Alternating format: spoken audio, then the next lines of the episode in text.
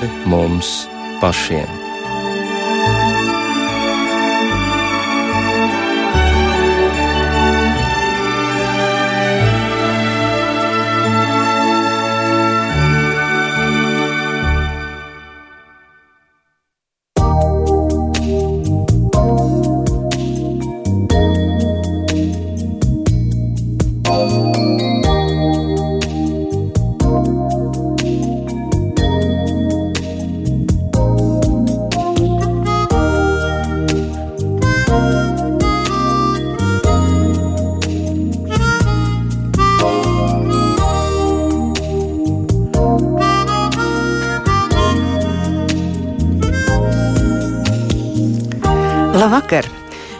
Jums runā Rīta Brunēvica.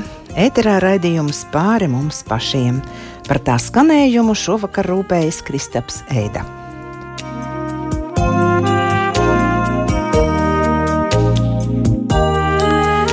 Vēl tikai nepilns mēnesis, un dievnamos atkal skanēs vēsts par glābēja Kristus ienākšanu šajā pasaulē.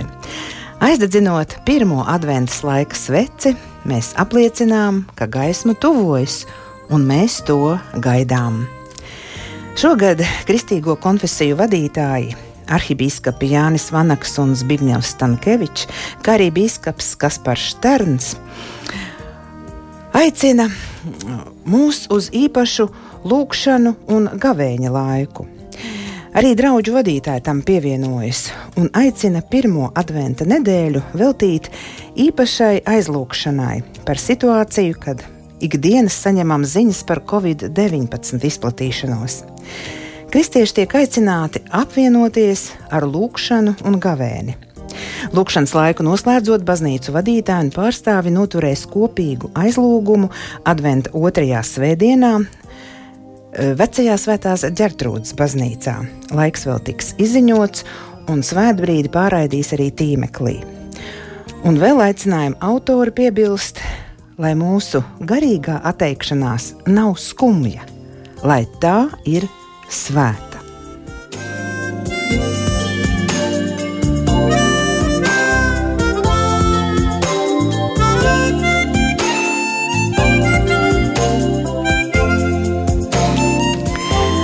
Šajā tumšajā gada laikā un situācijā, kad satikšanās vienam ar otru ir ierobežota, ir vajadzīga gaisma dvēselē un, protams, prieks sirdī.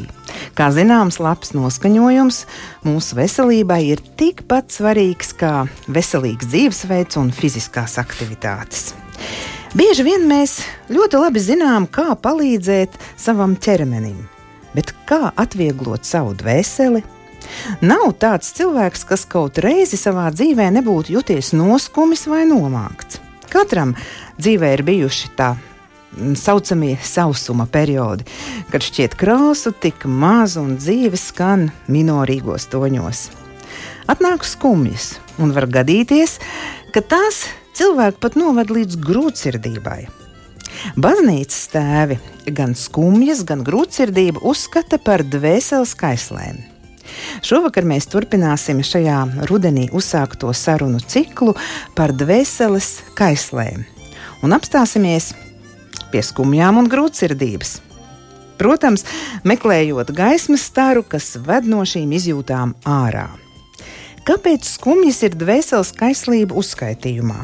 No kā izaug grūtsirdība un ko likt tai pretī?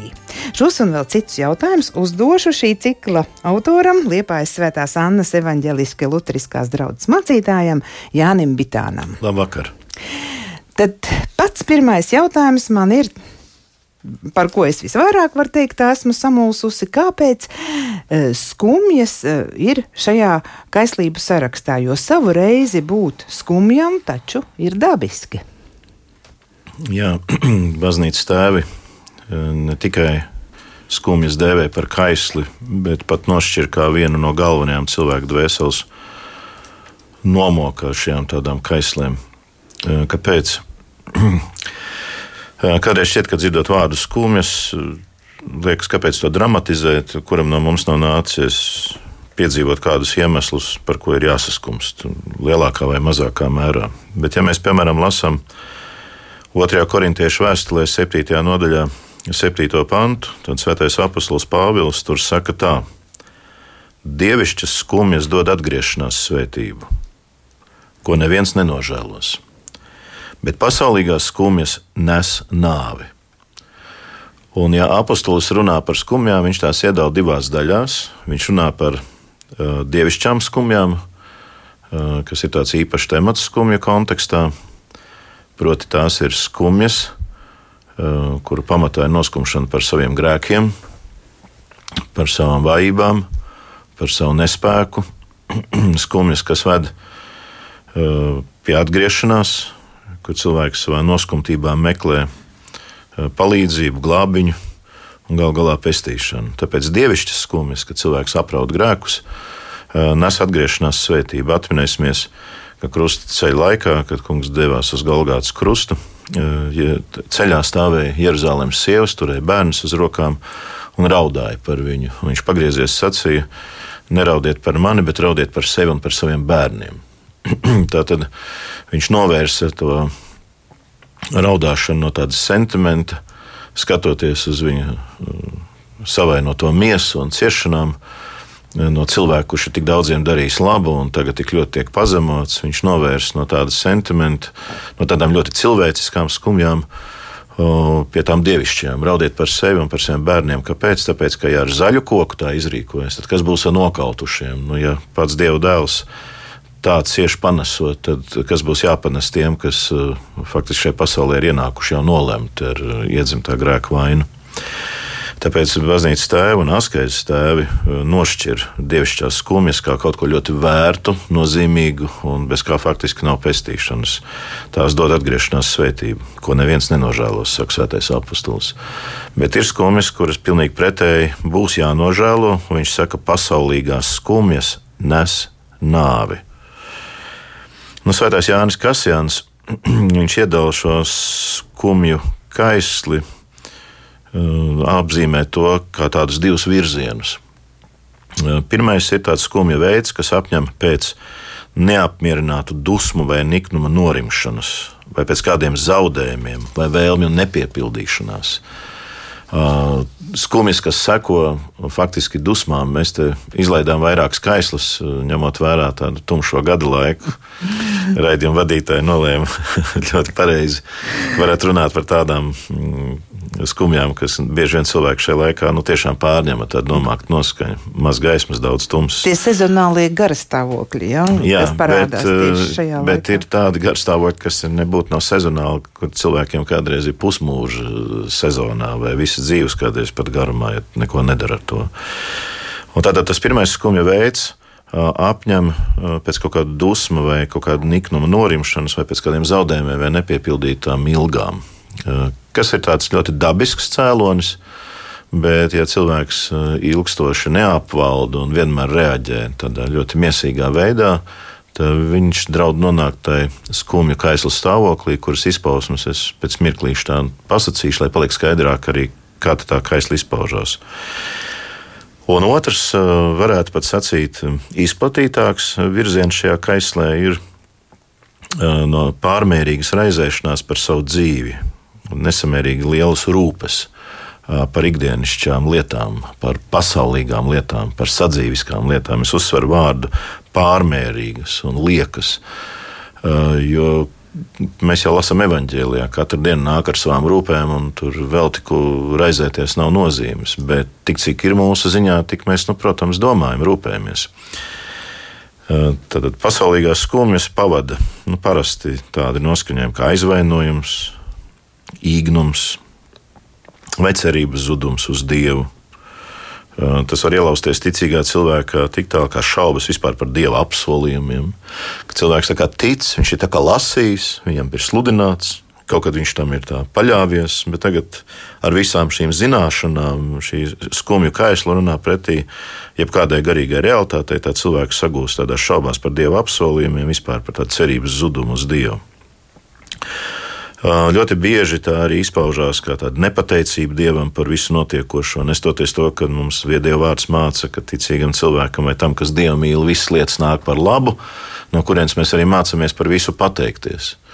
ja arī par šo laiku, kādā mēs esam, par tām nērtībām, ir jāmāk pateikties. Šodien sprediķoju un pieminēju vienu putnu, kuram tieši pretvējš palīdz pacelties augstāk. Liepājā, kad ir liela, eh, liela vēja brāzma, tad tās kājas tā kā viņas pavicina, pavicina spārniņus, un viņas atmet atpakaļ no krāsa, viņas atkal pavicinās uz priekšu. Ērglim turpretī, jo lielāks pretvējš, jo viņš augstāk var pacelties. Viņš lieto tās spārnu vēzdas tā, ka viņš uzņem augstumu. Un te ir tās eh, divas iespējas, kā cilvēks rīkojās. Vai viņš māca šķēršļus izmantot sevis norūdīšanas, pacietības, lēnprātības vai kādu citu tikumu vairošanā, vai arī viņš dēļ tiem iekrīt tādā iekrīt skumju kaislē, tādā nemitīgā īdēšanā vai vaimanāšanā uh, un sūkstīšanās stāvoklī. Jā, un arī tie, kas paļaujas uz Dievu, ir salīdzināti ar ērgli. Bībelē man nāk prātā, tiem augs jaunas spērnu vādas, un Jā. tie pacelsies kā ērgli. Tā kā Jā. paļaušanās ir svarīgs aspekts, lai neiegrim skumjās. Kurnēšana, neapmierinātība uz tuvāko, atteikšanās no krusta, jā, tātad atteikšanās no kaut kādas panešanas vai paciešanas, kas varbūt svētīgi vēlme visu atstāt, nolaist rokas, neko nedarīt. Kādreiz tas ir arī ar tādiem griezties atpakaļ ar vārdiem, ka nekas jau tāpat nesanāks, nav vērts pat nemaz mēģināt, ka nepietiek spēka. Un tas nāk ar tam līdzi nāk beigu beigās arī tāds mokošs izmisums. Tā ir tāda apmaldīšanās un dieva nodoma pie sevis vairs neredzēšana. Cilvēks vairs neredz sevi kādos dieva apsolījumos, viņš nemāķi saskatīt lietas, kurās dievs vada. Un tāpēc tēvs saka, ka šīs vēlnišķās skumjas var būt ļoti skarbas, nepacietīgas, cietsirdīgas, spītīgas, neredz savienotas ar mokošu izmisumu. Nu, pasaulīgo skumju rašanās galvenais cēlonis, tēvi saka, ir viens - pieķeršanās šīs pasaules lietām, pārmērīga pieķeršanās. Jo šī pasaule ir zudoša un nīks, nīcīga, un katru reizi, kad mēs tajā kaut ko zaudējam vai piedzīvojam kaut kādu lietu vai apstākļu nīcību, izmaiņu mums par sliktu, tad faktiski tas tiek pavadīts ar skumjām. Un, Tas ir tāds nu, galvenais iemesls, ko daudz no tēviem uzsver. Tieši pasaulīgās skumjas nāk no pārliekas pasaules mīlēšanas un pieķeršanās pasaulīgām lietām. Nu, te, lai varbūt tā varētu ilustrēt, varbūt kaut ko es nolasīšu, tādu vienu citātu.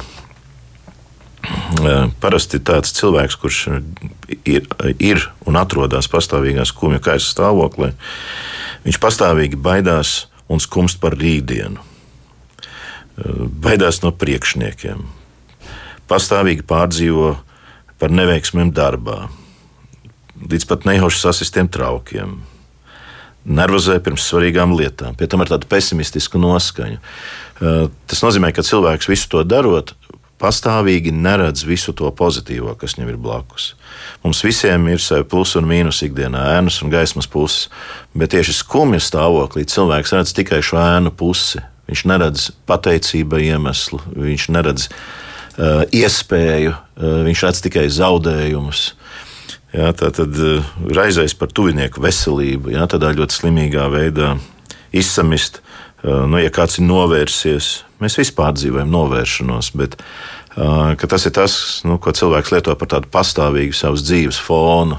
Viņš uz šī pamata izaudzē tādu pastāvīgu. Ka citi noskaņu. cilvēki novērš no viņa. Jā, jā. Mm -hmm. Un es domāju, ka tā ir diezgan izplatīta nu, lieta.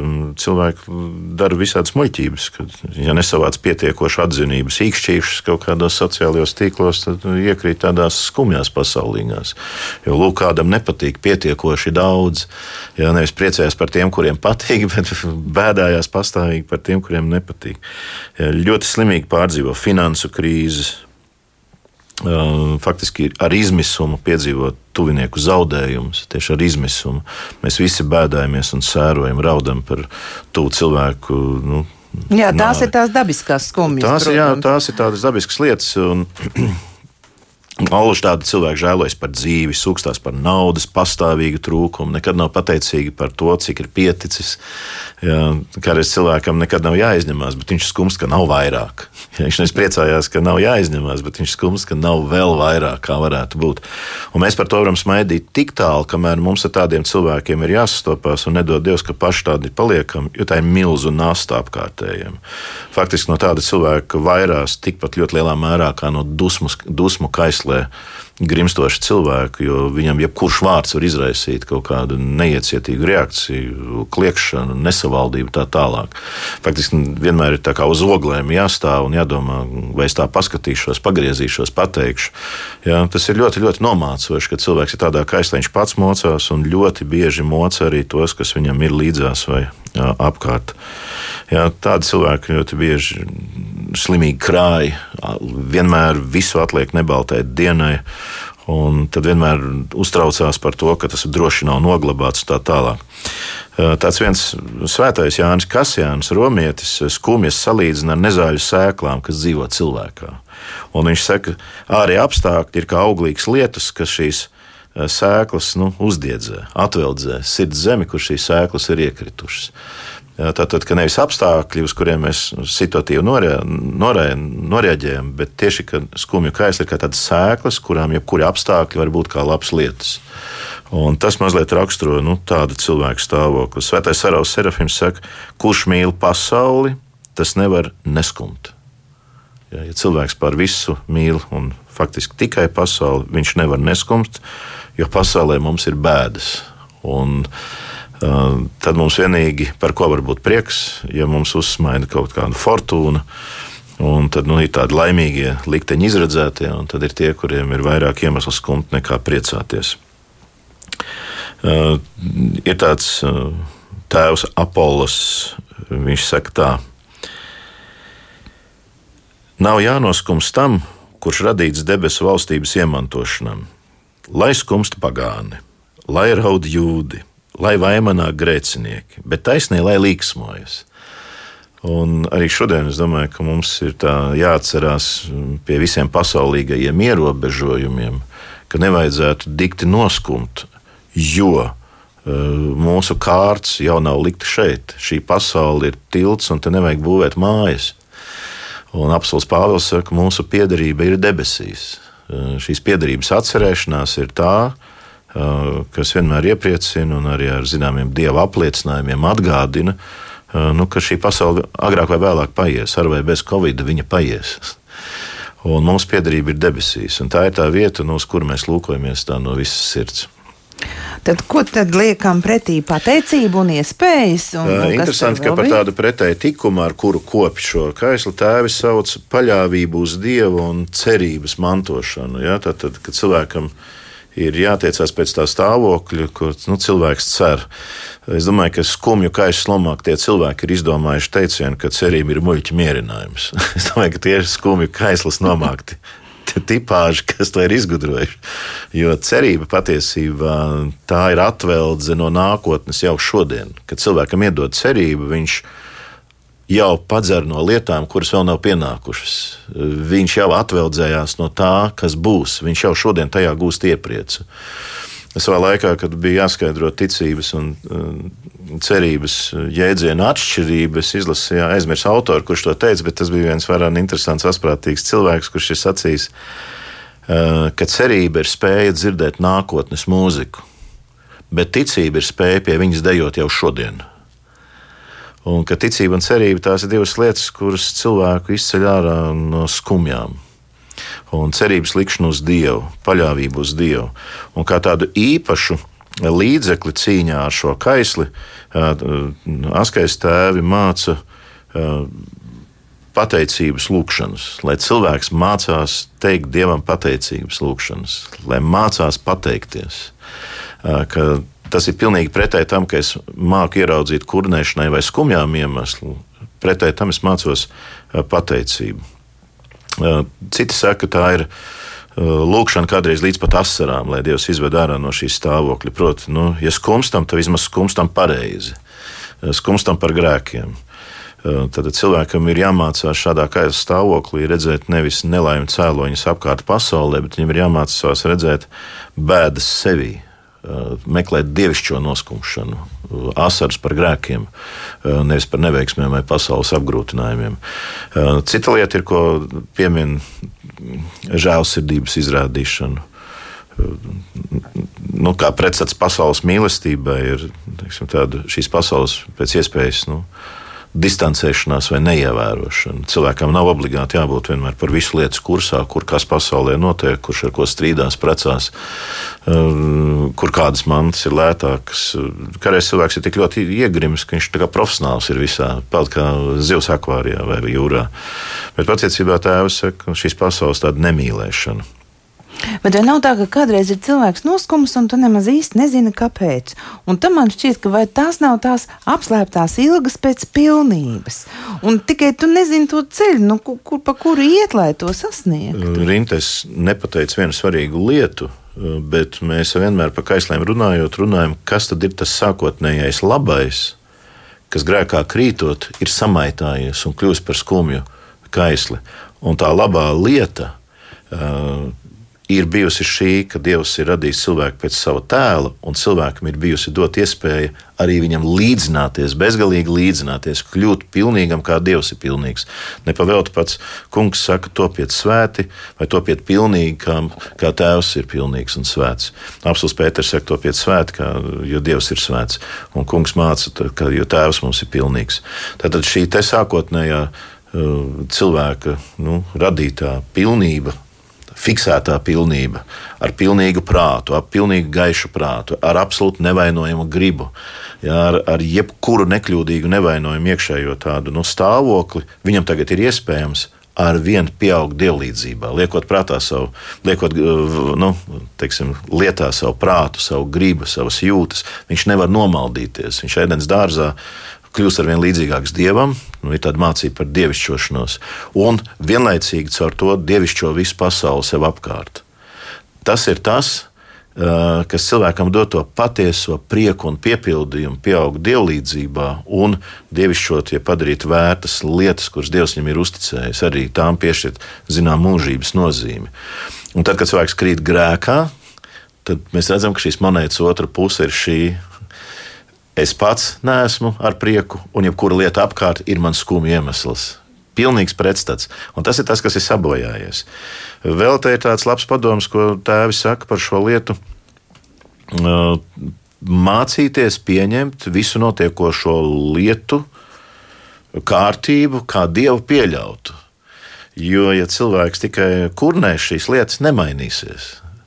Un, ja šīs lietas nemainīsies, tad labāk ir mācīties tās pareizi pieņemt, uz tām pareizi reaģēt. Līdz ar to jau kaut kādā veidā, kā sērfotājs māca izmantot vilni vai burātājs māca izmantot vēju, tad tas tajā brīdī notiek. Tāpēc tās ir tādas nu, tēvu ieteikumi. Citi saka, bez pateicības lūgšanām vēl arī mācīties Dievu slavēt, Un citi saka, arī dod tādu labu padomu, domājiet par nākošiem labumiem, kurus Dievs ir sagatavojis saviem ticīgajiem. Kur Jēzus saka, es eju jums vietas attaisīt. Un, kur apelsīns Pāvils saka, ka nevienā sirdī vēl tas nav nācis, neviena acis vēl to nav redzējis, neviena auss to nav dzirdējusi. Mēs kādreiz Gregors skolā savā laikā ar studentiem lasījām dažādas atskaitu un tūkstošu tēvu pieredzes, kad viņi ir ar mazu, mazu tādu atstūrīti ieskatījušies nākošajā godībā. Un pavisam nesen Amerikā vienā klosterī lasīja vienu tādu skaistu liecību, kur viens cilvēks teica, ja es būtu bijis miesā, tajā stāvoklī, kurā Dievs mani pacēla. Es būtu uzsprādzis miljonus gabalos no svētlaimes sajūtas. Viņš saka, to mīlestību un to svētlaimību nav iespējams izturēt. Tāds svētīgais Andrejs Kristus dēļ, ģeķīgais savā laikā teica, kad viņš bija troņa priekšā pacelts, kad eņģēlis viņu noveda, ka viņš gandrīz nosala uz ielas. Viņš teica, es jutos kā izkusis vasks peļķē. Es tikai spēju apzināties, ka es esmu un man pāri plūst dievišķa mīlestība. Tas ir tas, ko tēvs saka. Mācīties redzēt lietas uz priekšu, būt pateicīgiem par to, ko Dievs mūsu dzīvē pieļauj, un mācīties redzēt daudzus iemeslus pateicībai. Savu skanējumu turpina raidījums pāri mums pašiem. Šovakar studijā ir Liepājas Svētās Annas evaņģeliski luteriskās draudzes mācītājs Jānis Bitāns. Un mēs runājam par skumjām un par grūtsirdību tūlīt sāksim runāt. Raidījuma pirmajā daļā mēs atbildējām uz jautājumu, kāpēc skumjas ir dvēseles kaislība uzskaitījumā. Ir jau arī tādas skumjas, kas ir ikdienas skumjas un kas ir dievišķas skumjas. Tās ir skumjas par grēkiem, par kādu aplamu rīcību, un tās nes svētību, un ir pasaulīgas skumjas, kas nes nāvi. Un kas tad ir tas skumju cēlonis? Nu, tās ir nepiepildītas ilgas, pārmērīgs rūpes par ikdienas dzīvi, nepateicība un vēl viens otrs cits kāds aspekts, ko mācītājs šeit uzskaitīja. Un arī bija tāds interesants citāts, proti, ka tās ir kā nezāļu sēklas, kas dzīvo dvēselē. Un ko tad darīt, ko tad likt tām pretī? Nu, pretī likt pateicību, pateicības lūgšanu, paļāvību uz Dievu, Dieva slavēšanu, cerību, kas ceļ ārā no skumjām, žēlsirdības izrādīšanu un arī apstākļu pieņemšanu, apstākļu pieņemšanu un, un tālāk tiešām paļāvību uz Dievu. Nu, tas bija raidījuma pirmajā pusstundā, ko mēs izrunājam. Tālāk mēs dodamies pie grūtsirdības, kas, es saprotu, jau ir daudz smagāks dvēseles stāvoklis un tā saucamā dvēseles eh, kaisle. No kā tad izaug grūtsirdība? Vai tām sēkle ir skumjas? Lielā mērā, nevienmēr, bet ļoti lielā mērā. Svētais Antonijs Lielais, piemēram, atklāja tādu domu, viņš saka, ka skumjas liek paļauties tikai un vienīgi uz saviem spēkiem, savukārt grūtsirdība atņem vispār jebkādu cerību un spēkus. Tad var runāt par vēl tādu dziļāku nu, krī, krīzes stāvokli. Askezē baznīcā par grūtsirdību sauc dvēseles nespēku un dvēseles izvārgumu kurš īpaši izpaužās tieši ticības praksē, dievbijīgā dzīvē, lūkšanās, gavēnī, nu, visā tajā, ko mēs saucam par garīgu dzīvi, apātijā pret svēto rakstu lasīšanu, pret dievu vārdu, pret garīgiem pienākumiem, pret garīgiem vingrinājumiem.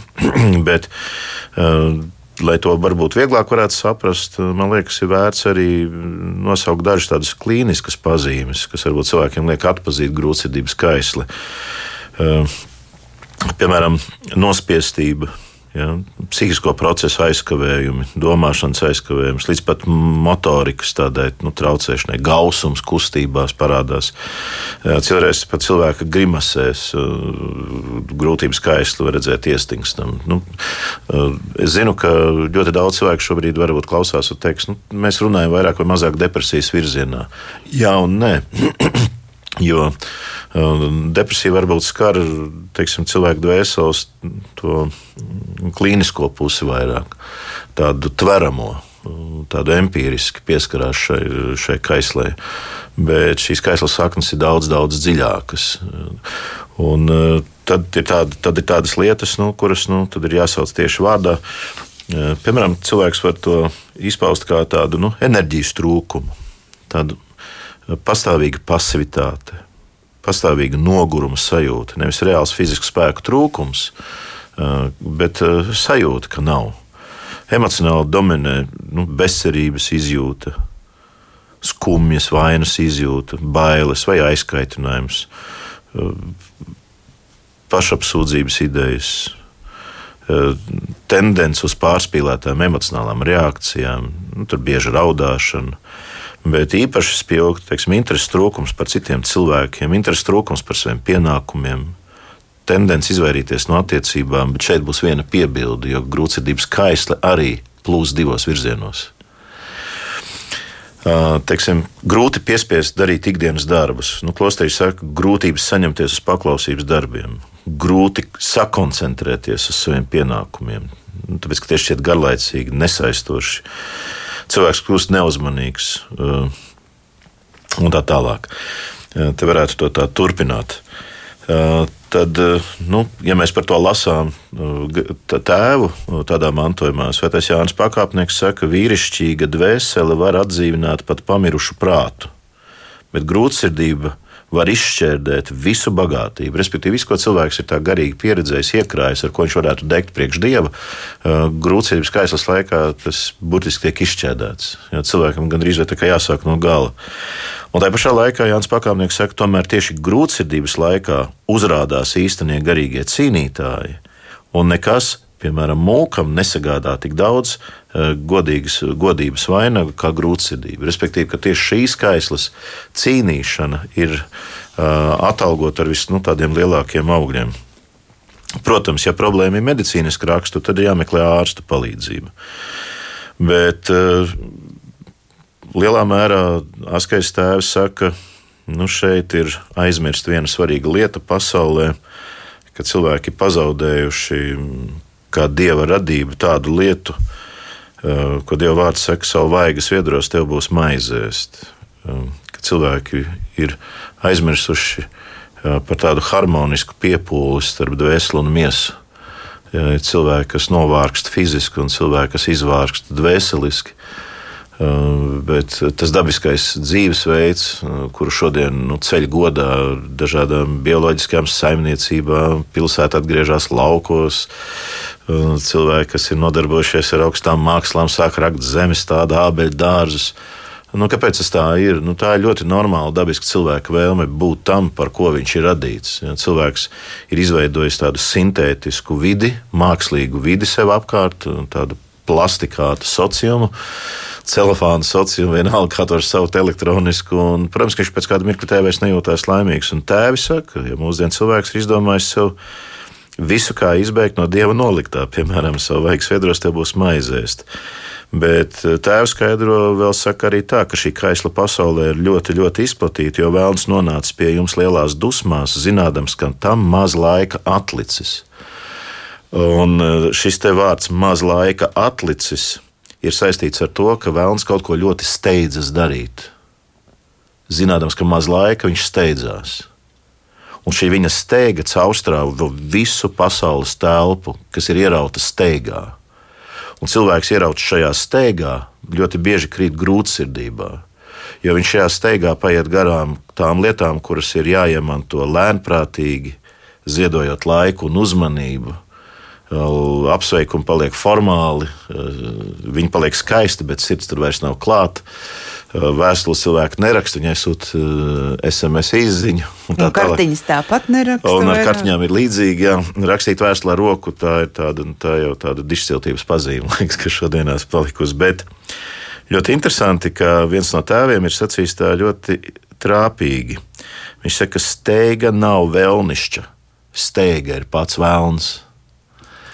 Un tas liekas ļoti skā, sāpīgi, nu, tver cilvēkus, kuri nu, ļoti steidzās.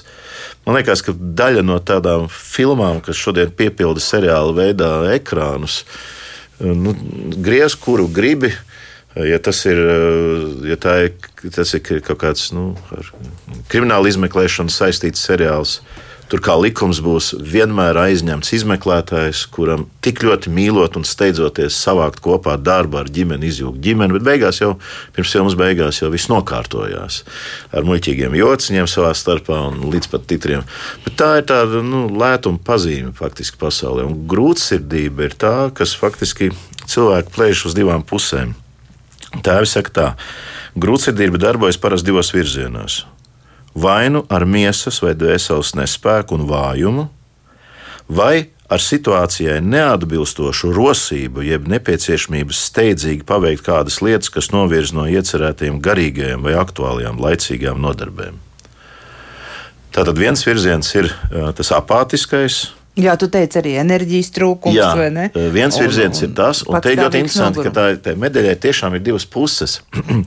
ja iedziļinās to cilvēku sirds stāvokli un tādā dvēseles noskaņojumā, kādā viņi atrodas, tas sausais atlikums ir absolūti vienāds. Piemēram, miegainība un visas dienas nosēdēšana uz dīvāna un tāda kvernēšana no vienas vietas 24, 7. Liekas, kas tam varētu būt kopīgs ar tādu lietu, kā piemēram tāda nemitīga vēlme meklēt kaut kādus kontaktus, sarunas, izklaides, eh, papriecāšanos. Nu, to varētu saukt par tukšsmiešanos vai tukšpriecāšanos. Tad faktiski, ja tādiem diviem cilvēkiem iedziļinātos viņu dvēseles stāvokļi, viņi abi ir vienādi tukši. Uh, tikai viens ļaujās tam apātiskajam, miegainiem stāvoklim, un otrs no šī stāvokļa mūk atrodot it kā izēju šajā pilnīgā tukšajā ārējā rīcībā, tajā ārējā aktivitātē, kaut kādā skriešanā. Un, nu, tēvi jau saka, tā, ka šī kaisla izpaužās vai nu kā dusēšana uz cisām, vai tāda nemitīga vazāšanās riņķī. Un, un tādu tukšu. Nepateiks, ka grūtsirdība tam ir apakšā tādai nemitīgai, kā tu teici, vazāšanai. Jā, tas, jo, jo cilvēks, kāpēc to dara? Vienā brīdī viņš paliek viens pats un jūtas grūtsirdības pilnībā aprakts, un otrā brīdī cilvēks nu, vienkārši ļaujās šai noskaņai, šim stāvoklim, nu, kaut kā atslogojās, jo nav jācīnās. Un otrs cīnās nepareizi un domā, ka ir izsprucis ārā. Un šī tukšā rosīšanās rada tādu iluzoru iespaidu, ka es esmu to uzveicis, ka es neatrodos šajā paralizētajā grūtsirdības stāvoklī. Bet Tāpēc paties, viņš nespēja palikt viens. Ja? Tieši tā, un tas ir tas, ko nu pat man no mutes vārdu izņēma. Cilvēks ļoti bieži baidās palikt viens, jo šis stāvoklis ir baiss, un šis stāvoklis prasa ļoti drošsirdīgu pretim stāvēšanu, ļoti tādu nu, apzinātu un, nu, varētu teikt, pārnestā nozīmē līdz asinīm. Uh, nu, tas būtu tās būtu tādas divas svarīgas atziņas par to. Izklausās diezgan dramatiski, un es pat nezinu, kā, kā cilvēkam kaut ko pateikt, lai viņu izvilktu no šī stāvokļa ārā. Ko, kā viņam var palīdzēt? Piemēram, svētais Sīnai Nils, tāds svētais, viņš saka, grūtsirdība dvēseli nogurdina, bet nogurdināta dvēsele nespēja pastāvēt kārdināšanās. Svētais Jānis pakāpnieks ar grūtsirdību ir prāta atslābums, dvēseles izvārgums, nolaidība un paviršība pret askēzi, tātad pret vingrināšanos. Tad grūtsirdība kristietim ir visu nesošā nāve. Grūtsirdība gan vārdzina miesu, gan grauj dvēseli.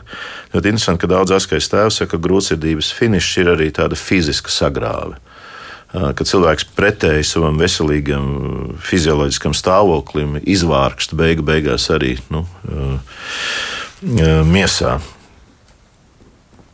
Nu, te viņi runā arī par tādu interesantu stāvokli tieši askētiem, tieši dievbijīgas dzīves tādiem cīnītājiem. Piemēram, privātās lūkšanas dzīves traucēšana. Tam, kurš ar apņēmību nostājas uz lūkšanu, tūlīt tiek atgādināts par ļoti steidzamiem darbiem. Un kādreiz cilvēks šos darbus, garīgas, garīgi pienākumu vietā, veic ar milzīgu atdevi, jo viņš jau smūg tādā ārējā, vieglākā nodarbē. Uh, tiek darīts viss, lai novirzītos no paša galvenā sarunas ar Dievu. Tos, kas lūkšanas laikā stāv, grūtsirdības spiež uz ceļiem, kas lūdz uz ceļiem, liek iesaisties ērtāk, un pēc tam vispār atgulties kas lūdzas neatbalstoties grūtsirdības gars, tā vien mudina kaut kur pieslieties vai atstutēties, ik pa laikam paskatīties apkārt, un tā tālāk, un tā tālāk. Tātad mēs redzam no visiem šiem raksturojumiem kopā, ka faktiski tas ir tāds tiešām izsūknējošs cilvēku dvēseli un beigās arī miesu izsūknējošs kaislas stāvoklis.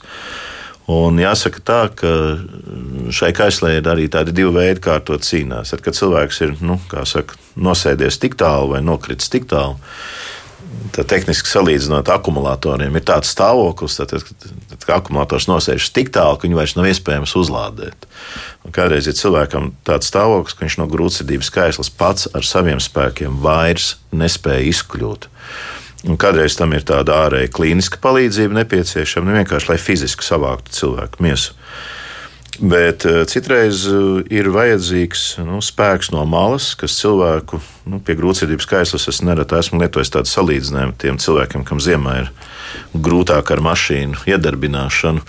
No savas mājas logas savā laikā varēja ļoti bieži ziemas rītos redzēt ka viens kaimiņš otru kabinu, un tad velk, velk, velk, velk, velk tik ilgi, velk, nu, kamēr nu, tā izpūtē tur izskan tāds melns dūmu mākons, nu, tad viņš ir laimīgi ievilkts.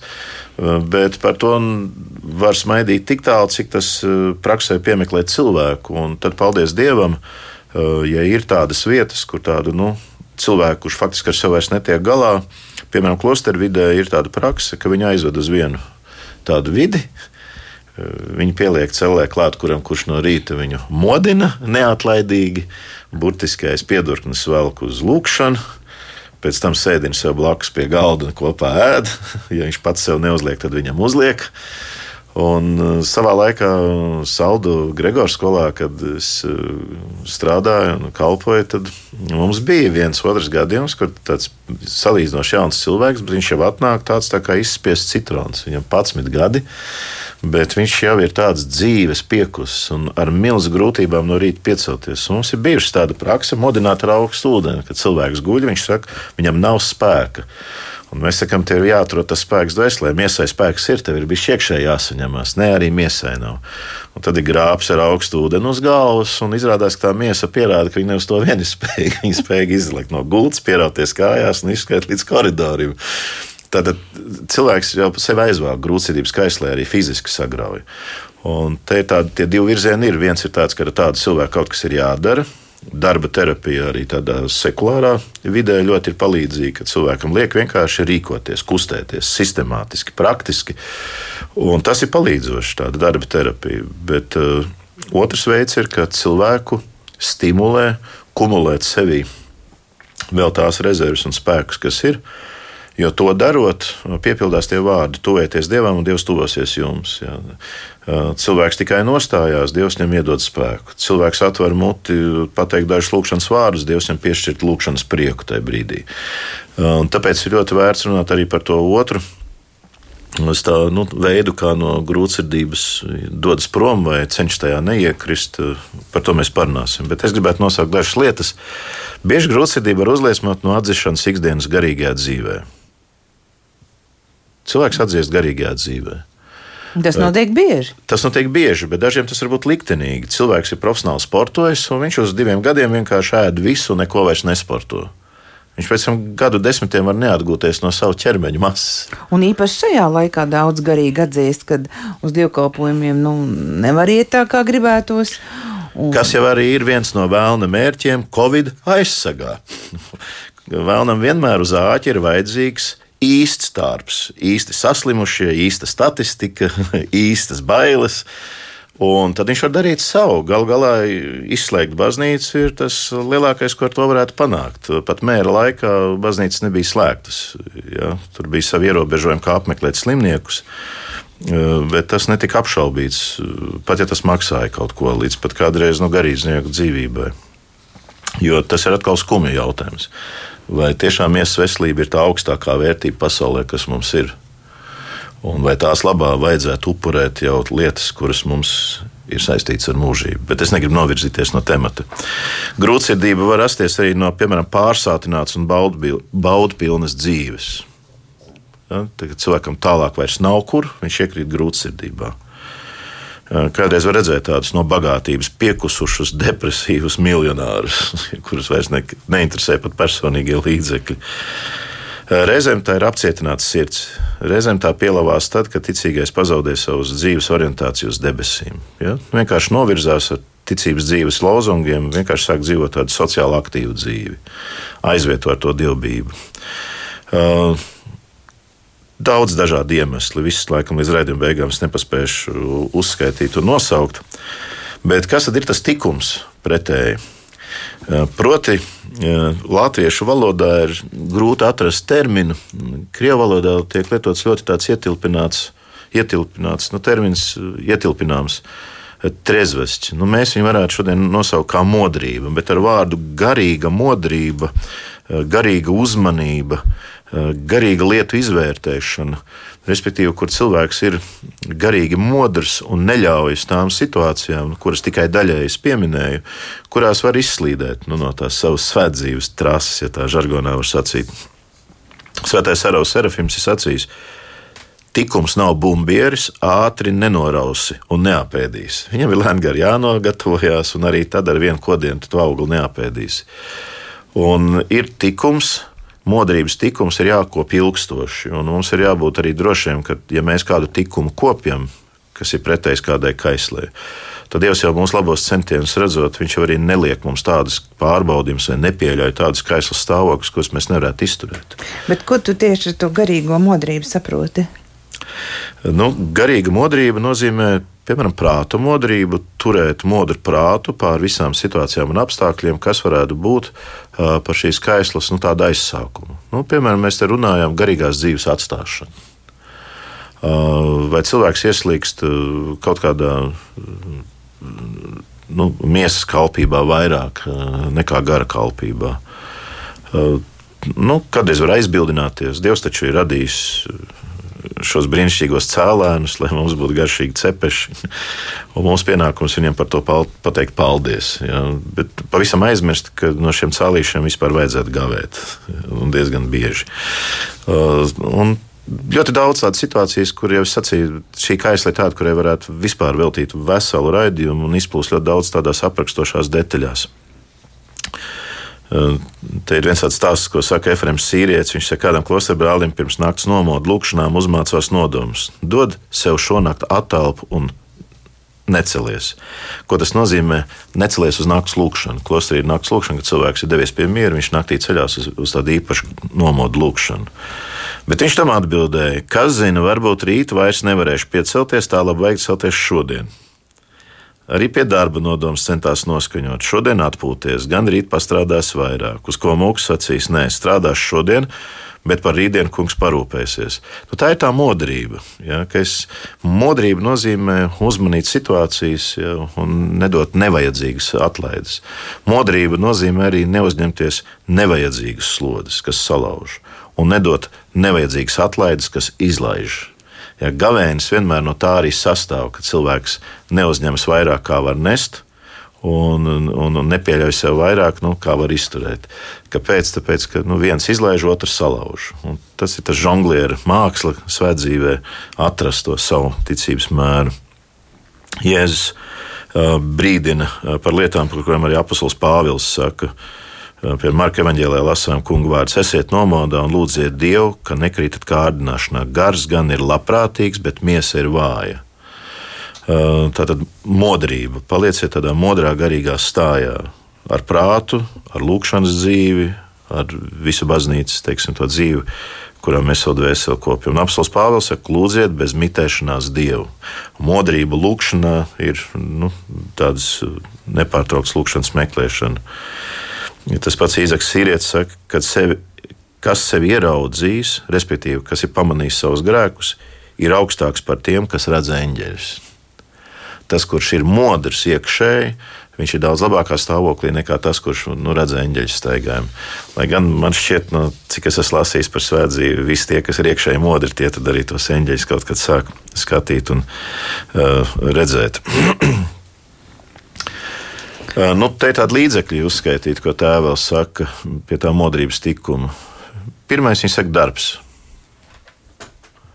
Tad, tad roku darbs, savu pienākumu pildīšana, neatkāpšanās. Centība lūkšanā, atsaukšanās un piespiešanās uz jebkuru labu darbu vai labu veikumu. Mācīties rūdīt sevi piespiešanā Tā, tad, tā ir viena no lietām, kas faktiski grūtsirdību grauj. Kad cilvēks kādreiz rīkojas pat mehāniski, saskaņā ar skaidro saprātu, iepratī maldinošām emocijām un sajūtām. Tas ir tas, kā no grūtsirdības iet laukā. Pacietība, kārtības ievērošana, ar to tiek saprasts, piemēram, noteiktas dienas režīma ievērošana, kas organizē cilvēku. Grūtsirdība tieši ir tā, kas nojauc visas dienas režīma robežas.